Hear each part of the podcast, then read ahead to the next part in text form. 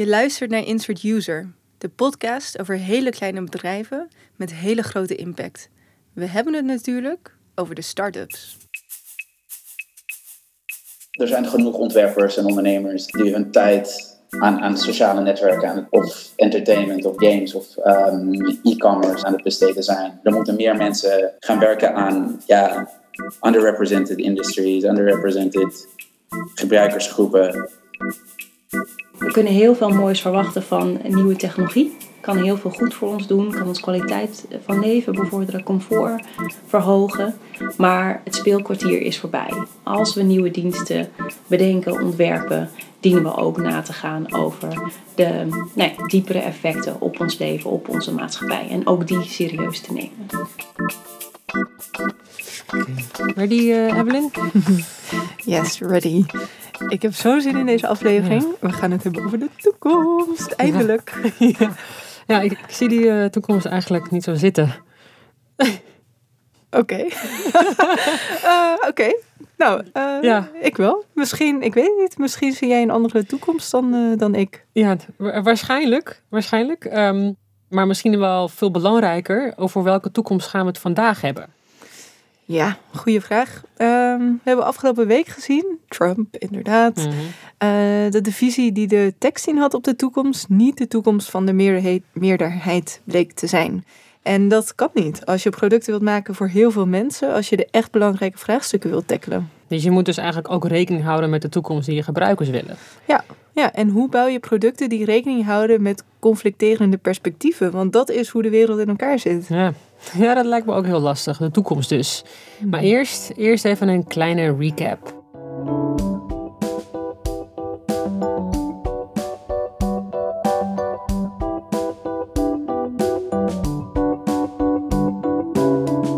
Vorige aflevering spraken we met antropologe Doreen Zandbergen, die het start-up gedachtegoed tijdens haar verblijf in Silicon Valley onderzocht.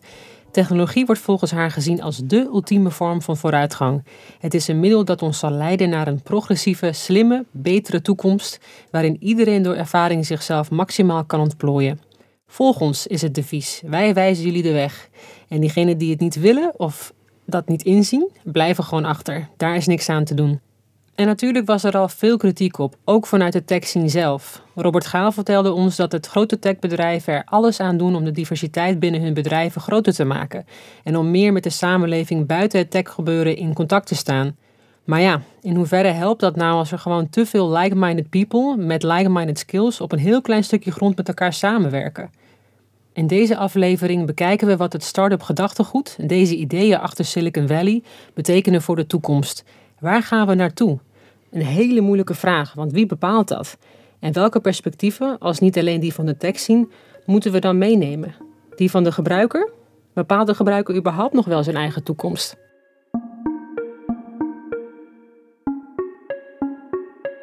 En toen gebeurde er dit. I would build a great wall, and nobody builds walls better than me, believe me. And I'll build them very inexpensively. I will build a great, great wall on our southern border, and I will have Mexico pay for that wall. Trump was voor veel mensen een slap in de face, maar misschien nergens zo erg als in Silicon Valley. Hetgene waar Doreen in de vorige aflevering voor waarschuwde, namelijk dat het Silicon Valley perspectief niet iedereen's perspectief is, is nu superhelder geworden. De toekomst die zij voor ogen hadden, een betere progressieve toekomst voor iedereen, is keihard afgewezen. Ik vroeg me af hoe het is als de toekomst waar jij zo van overtuigd was, niet de toekomst blijkt te zijn waar veel mensen voor gestemd hebben. Ik bedoel, hoe deal je daarmee? Om eerlijk te zeggen, het is, het is, heel somber, uh, is het hier uh, op dit moment. Dus mensen proberen, proberen wat. Uh, je, ziet, je, ziet, je ziet sombere gezichten op straat. Je ziet, het, het, is gewoon heel moeilijk om, om van dingen te genieten op, op dit moment.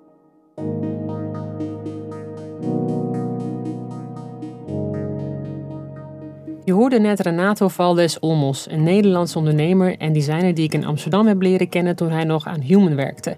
Dat is een self-tracking app die je aanspoort om meer te bewegen. Inmiddels woont en werkt hij al meer dan twee jaar in Silicon Valley, waar hij eigenlijk vooral voor de liefde heen verhuisde. Renato is redelijk somber, zoals je hoort. Ik spreek hem via Google Hangout vijf dagen na het nieuws dat Trump president is geworden. Het is voor hem 11 uur ochtends. Hij zit op kantoor en hij moet eigenlijk aan het werk, maar hoe doe je dat na dit bericht? En hij kan het nauwelijks nog bevatten, net als de rest van zijn collega's. Dit is, dit is uh, anders. Uh, mijn, vriendin is dus African, uh, African American, zoals je weet. En um, zij is erg bang. Um, maar tegelijkertijd zegt ze ook van, weet je, onder Obama was het voor zwarte mensen was het ook ja, best, wel, best wel kloten. ja, we zijn daaraan gewend. Maar het is eigenlijk voor het eerst dat een white privileged meerderheid, uh, als het ware, um, nu bang is zeg maar, voor hun mensenrechten. En dat is um, een, uh, een, een wake-up call ook voor, uh, voor Silicon Valley. Renato vertelt me hoe Silicon Valley, of eigenlijk vooral de white elite die daar uh, werkt, gechoqueerd is. Uh, je leest het bijvoorbeeld in berichten over studenten die funding weigeren, omdat het van de Thiel Foundation komt. Je weet wel, uh, Pieter Thiel, die de Trump-campagne flink heeft gesteund. Of ehm, berichten over investeerders die zich flink hebben uitgelaten over dat er nu echt meer dan ooit tevoren geïnvesteerd moet worden op het gebied van cybersecurity, databescherming, maar ook immigratie en renewable energy. Ik bedoel, één investeerder bij Sherpa Capital ging nog zo ver dat hij een campagne wil vinden om Californië los te maken van de VS. Ik dat is total chaos going on. En Renato ziet het als iets goeds dat mensen bij zichzelf te raden gaan, maar voegt er wel aan toe dat hiermee niet het probleem is opgelost. Het probleem blijft dat Silicon Valley de problemen oplost van diegenen die het kunnen betalen. En niet zijn talent inzet voor industrieën of groepen waar weinig te halen valt. Die worden gewoon niet meegenomen in die bright future. En Renato zegt dat juist dat wel heel belangrijk is. Er zijn genoeg ontwerpers en ondernemers die hun tijd aan, aan sociale netwerken aan of entertainment of games of um, e-commerce aan het besteden zijn. Er moeten meer mensen um, gaan werken aan ja, underrepresented industries, underrepresented gebruikersgroepen. Dat is in ieder geval wat Renato probeert te doen met Honor als lead design. Honor doet min of meer wat thuiszorg doet hier in Nederland, maar dan misschien wel mooier en beter. Het is best wel een bijzonder verhaal. In een land waar geen basisverzekering bestaat en goede gezondheidszorg eigenlijk alleen voor diegenen is die het kunnen betalen, biedt Honor de technologie voor zorgprofessionals en zorgbehoevenden om elkaar op maat tegen te komen. Renato legt uit dat, dat het eigenlijk om een hele andere aanpak vraagt dan your average techbedrijf. Ik denk dat, uh, dat het hele team, dat we hier echt een cultuur hebben gebouwd die supportive is, zeg maar, van iedereen in het, uh, in dit, in dit ecosysteem. Het is een cultuur van, van, van empathie en het aanhoren van, van elkaar en echt diep um, uh, begrijpen, zeg maar, wat voor levens mensen leiden. En dat is super belangrijk, helemaal in een moeilijke industrie als, als de thuiszorg, waar het, ja, is. Um, de dood is zeg maar een dagelijks onderdeel van, van ons bedrijf.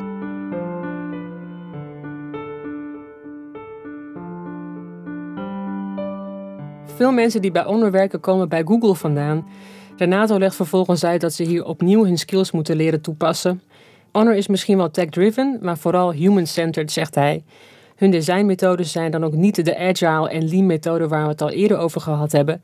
De grootste inzichten die zij opdoen ontstaan volgens Renato door het directe contact dat zij met de mensen hebben die met hun dienst te maken hebben.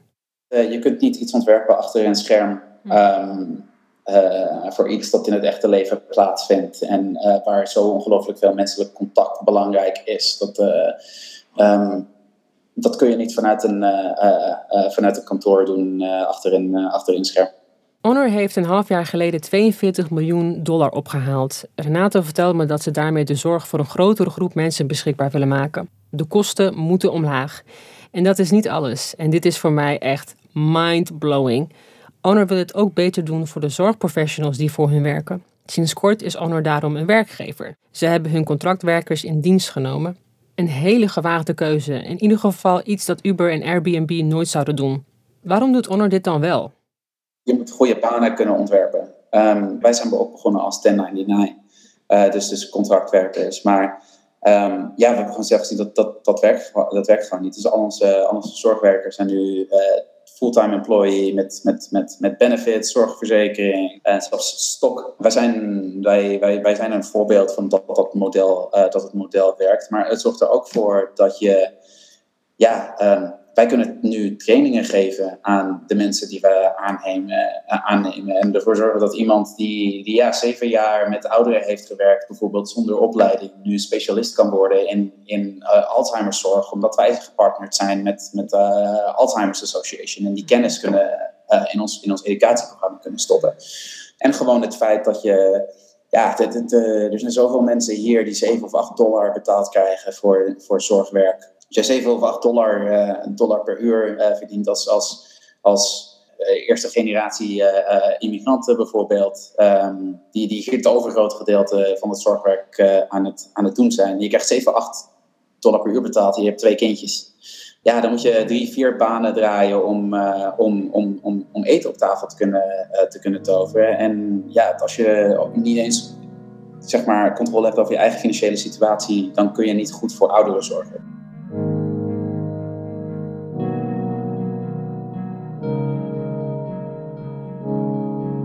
Uiteindelijk komt het er volgens Renate op neer dat deze nieuwe manier van werken, met meer empathie en meer menselijk contact, niet alleen een betere of mooiere dienst als resultaat heeft, maar als het echt goed ontworpen wordt, ook een betere maatschappij tot gevolg kan hebben. Want alles is met elkaar verbonden. Diegene die het product maakt, diegene die het gebruikt, de familie die daarbij gebaat is, het grotere netwerk dat daarboven hangt. Uh, die progress is niet te omvatten in zeros en ones.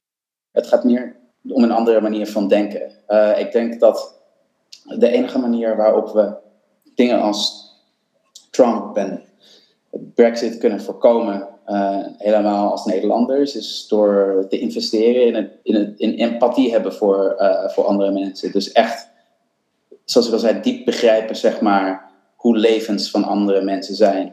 Um, en dat betekent niet dat je het mee eens moet zijn met, uh, met, met mensen, maar wel begrijpen, zeg maar, waar, waarom mensen sommige gevoelens, uh, sommige gevoelens hebben, waar dat vandaan komt. Wauw, heeft, heeft de tekst-zien dan echt zo slecht in de gaten gehad wat er echt leeft in het land? Ik, de, ik denk dat zij, de Silicon Valley Boys, ervaren nu voor de eerste keer hoe het is in iemand anders toekomst te leven. en in één pretty. Wauw. Um, heftig. Ja. Maar uh, ook een lichtpuntje. Je bent wel echt enthousiast over Honor, hè? Ja. Beter dan de thuiszorg. ja. ja, ik heb um, de thuiszorg heel erg hoog zitten. Mm. En ik weet ook niet zeker of het beter is, maar ik vind het mooier. Maar wat ik er misschien nog wel veel interessanter aan vind, is die methode van hoe zij uh, design en hun producten ontwikkelen. Mm -hmm.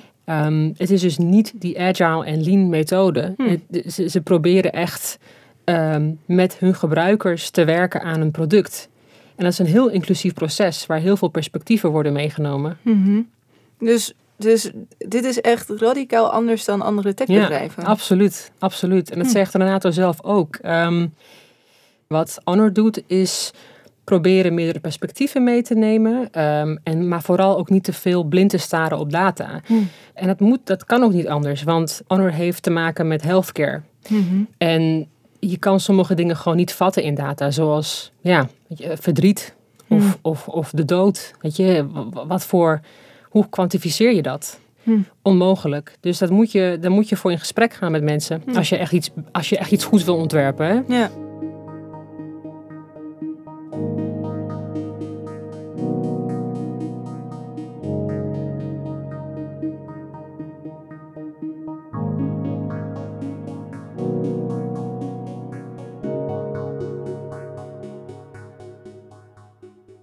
Vorige week leerden we van Dorien Zandbergen welke gedachten over technologie dominant zijn in Silicon Valley en daarmee in een groot deel van de techwereld. Maar we hoorden en ondervonden toen ook dat die uitgangspunten soms wringen met de praktijk. De design methods en producten doen niet altijd recht aan de complexe globale wereld waarin ze opereren. Het vormgeven van de toekomst is moeilijk, mensen meekrijgen is moeilijk. En het lijkt misschien juist nu extra verleidelijk om het aan start-ups over te laten. Die beloven immers simpliciteit. Dus hoe zou de toekomst er eigenlijk uitzien als we op de ingeslagen weg doorgaan? Die vraag stelde ik aan Linda Kool, senior onderzoeker aan het Rattenau Instituut. Je zult in Nederland denk ik weinig mensen tegenkomen die meer weten van de impact die het internet, robots en data hebben op de samenleving dan zij. Vijf dagen in de week leeft Linda eigenlijk al in onze toekomst. We zijn ook echt, denk ik, een um, technologische soort geworden. We kunnen niet meer onze, zonder onze tools. Ja, natuurlijk eigenlijk al vanaf het stenen tijdperk. Dus het is ook een beetje, het hoort bij ons bestaan en ons mens zijn. Ik zocht Linda op in Den Haag, waar het Rattenau Instituut kantoor houdt. Ze zitten op een kantorenpark waar ook NWO zit, uh, de Onderzoeksraad voor Veiligheid. Een kantorenpark voor bollebozen dus. We hebben heel lang ICT echt puur als gadget gezien of als leuk product. En ik denk dat we die fase langzamerhand wel een beetje voorbij zijn. We zijn nu al op een fase in de digitale samenleving aanbeland. Dat eigenlijk ja, elke nieuwe uh, dienst of elk nieuw product moeten we ook goed nadenken. Van, ja, dit willen we ermee beogen, maar wat voor soort effecten zou het ook nog kunnen eh, hebben? Dat klinkt allemaal misschien als een open deur, maar het is een feit dat de groei van nieuwe internetgebruikers afneemt, dat mensen uit veiligheids- en privacyoverwegingen minder internetten en dat de uitgaven aan cybersecurity stijgen terwijl het aantal datalekken niet afneemt. We beginnen ons vertrouwen in het internet te verliezen en dat terwijl meer dan de helft van de wereld nog niet eens online is. Iets gaat er niet helemaal lekker. In hun Global Internet Report over 2016 schrijft die Internet Society, en dat is de naam van de organisatie, het volgende. Today we are at a defining moment in the evolution and growth of the internet. We face a situation where we risk undoing all of the progress we have made over the past three decades. It is time to act. En om dat te kunnen, moeten we echt beter gaan begrijpen wat er nu op het spel staat. Ik denk dat we steeds meer zullen zien, uh, nou ja, de privacy is eigenlijk één van de voorwaarden voor een aantal andere um, maatschappelijke waarden. Dus denk aan autonomie, het uh, invulling kunnen geven aan je eigen identiteit. Uh, solidariteit, gelijkheid, menselijke waardigheid. Een vraag van ja, wil je door een robot verzorgd worden als je straks oud bent? Dus wat is eigenlijk um, ja, betekenisvolle zorg in de toekomst? Hoe geven we daar invulling aan? Of uh, nou ja, stel je hebt ook heel grote ontwikkelingen op het gebied van kunstmatige intelligentie. Er zijn in Amerika de eerste rechters maken gebruik van een systeem, een slim systeem dat helpt bij de kansberekening dat een verdachte weer opnieuw de fout ingaat. Blijkt te discrimineren. Dus hoe willen we dat soort systemen inzetten? En waar ligt dan bijvoorbeeld uiteindelijk de eindverantwoordelijkheid? Autonomie, solidariteit, gelijkheid, waardigheid. Wat gebeurt er wanneer we onze data in relatie gaan zien tot die waarden? Welke eisen gaan we dan stellen aan de producten en de diensten die we gebruiken? Een van de meest bemoedigende en misschien wel inspirerende dingen die ik van Linda hoorde, is dat zij echt afstand neemt van het sentiment dat technologie leidend is. Zij is daar heel duidelijk over. Technologie is niet iets dat ons overkomt. We hebben de macht om keuzes te maken over welke technologie we willen ontwikkelen en hoe we die vervolgens inzetten. Wij zeggen eigenlijk, ja, die uh, slimme technologie aan zich uh, is niet goed of slecht. Ook dus niet neutraal. Maar je wil zoveel mogelijk nu inzetten op die positieve scenario's. Op eigenlijk de complementariteit tussen mens en machine. En daarbij zijn we dus niet ja, soort overgeleverd aan die slimme technologie. We hebben zelf mogelijkheden om daarin te sturen. En als we straks een robot hebben die ons uit bed kan tillen, willen we dat dan? Als we straks een slim software systeem hebben dat de rechter kan adviseren of het misschien nog beter kan dan de rechter, willen we dat dan of willen we een mens verantwoordelijkheid, uh, ja, verantwoordelijkheid houdt? En dan zou ik inderdaad zeggen, voor innovatie die niet rekening houdt met eigenlijk essentiële mensenrechten, nou, ik denk dat we daarvan wel kunnen zijn, die willen we niet. Daarvoor hebben we die mensenrechten ook afgesproken.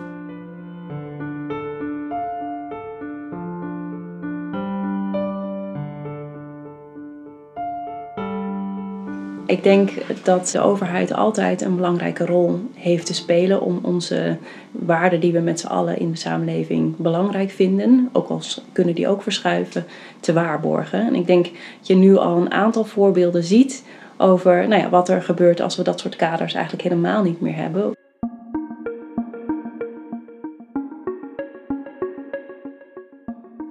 Dus je dit uh, voorbeelden van uh, censuur op Facebook bijvoorbeeld, hele beschaafde, nou, in onze Europese ogen, video's over voorlichtingsvideo's van ehm, het opsporen van borstkanker worden verwijderd. Ehm, dat was laatst in het nieuws. Uh, iemand wilde naar de rechter, want was het niet eens met uh, wat Airbnb had besloten. Maar dat mocht niet, want hij was akkoord gegaan met de algemene voorwaarden van het platform.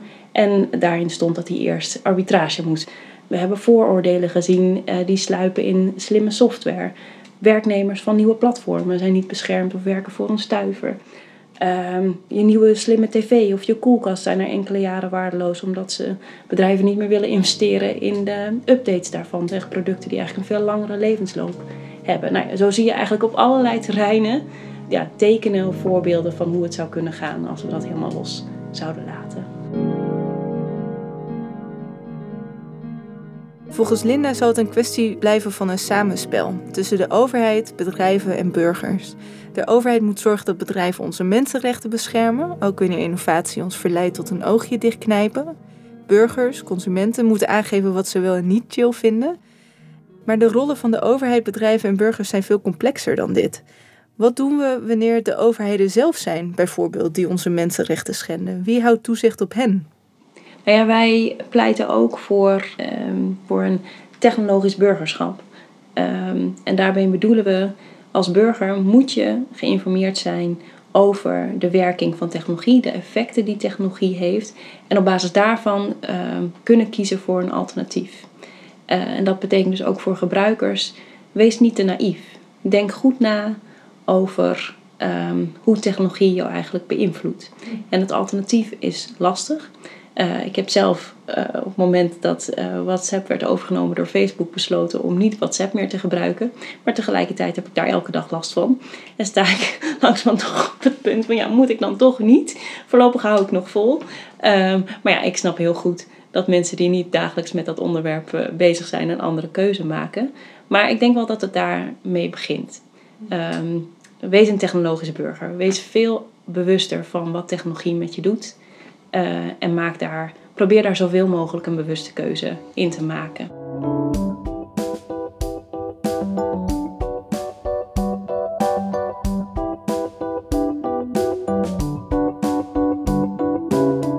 Wat ik uh, zo interessant vind aan wat Linda zegt, is dat zij privacy echt opport als een voorwaarden voor andere waarden die in mijn ogen veel meer met de maatschappij te maken hebben. Ik, ik vind het wel best empowering. Een betere samenleving begint bij het beschermen van je eigen data eigenlijk.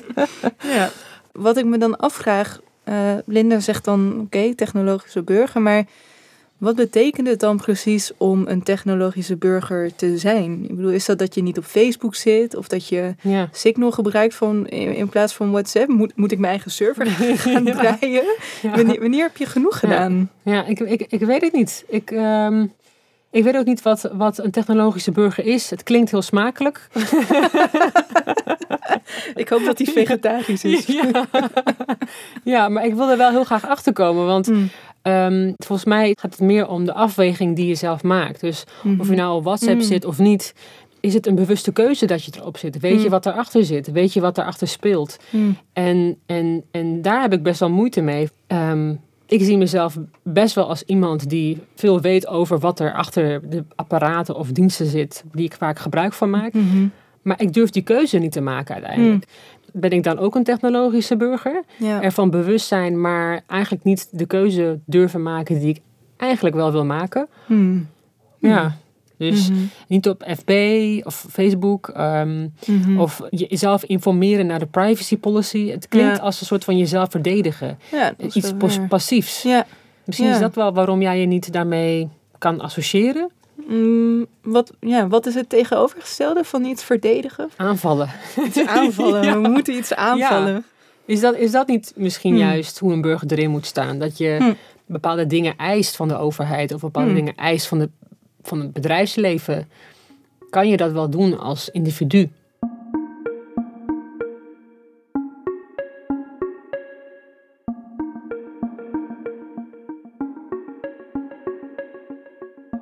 Hoe ziet de toekomst eruit als we op deze weg doorgaan? Dat was de vraag die we beantwoord wilden zien. We hebben gelezen dat Trump grote datasets en algoritmes inzet om kiezers te beïnvloeden. Dat overheden links en rechts enorm repressieve surveillancewetten aanneemt. Dat ze versleutelde communicatie willen verbieden. We hebben ook geleerd dat als we zo doorgaan, we het risico lopen dat fundamentele menselijke waarden als autonomie, solidariteit, gelijkheid en waardigheid eroderen. Renato zegt dat we nieuwe methodes nodig hebben. Linda zegt dat we technologische burgers moeten worden. Zoveel mogelijk inzetten op positieve scenario's, op de complementariteit tussen mens en machine. En steeds weer vragen: willen we dit? Elke vezel in mijn lichaam wil dit toejuichen. Maar ik, ik zie gewoon niet voor me hoe dit in de praktijk zou moeten werken. Onze vrijheden staan van alle kanten onder druk. En kan het dan echt zo zijn dat we in het midden van al dat geweld ons mannetje kunnen staan? Mogen bedrijven en overheden dat überhaupt van ons verlangen? Is het realistisch? Dat gaan we in de volgende aflevering onderzoeken. Ja, we kijken dus het perspectief van de technologische mm. burger. Power to the people!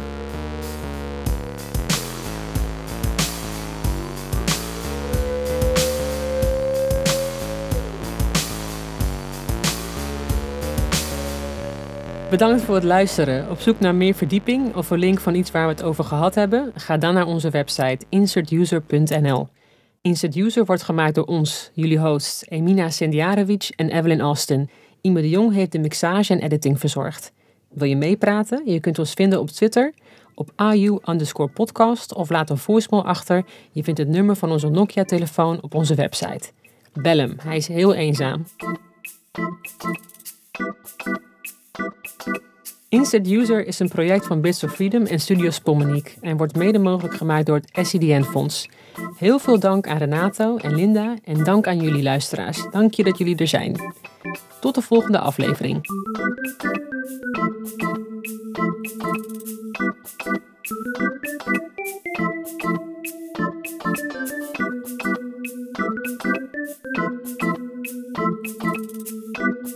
Thank you.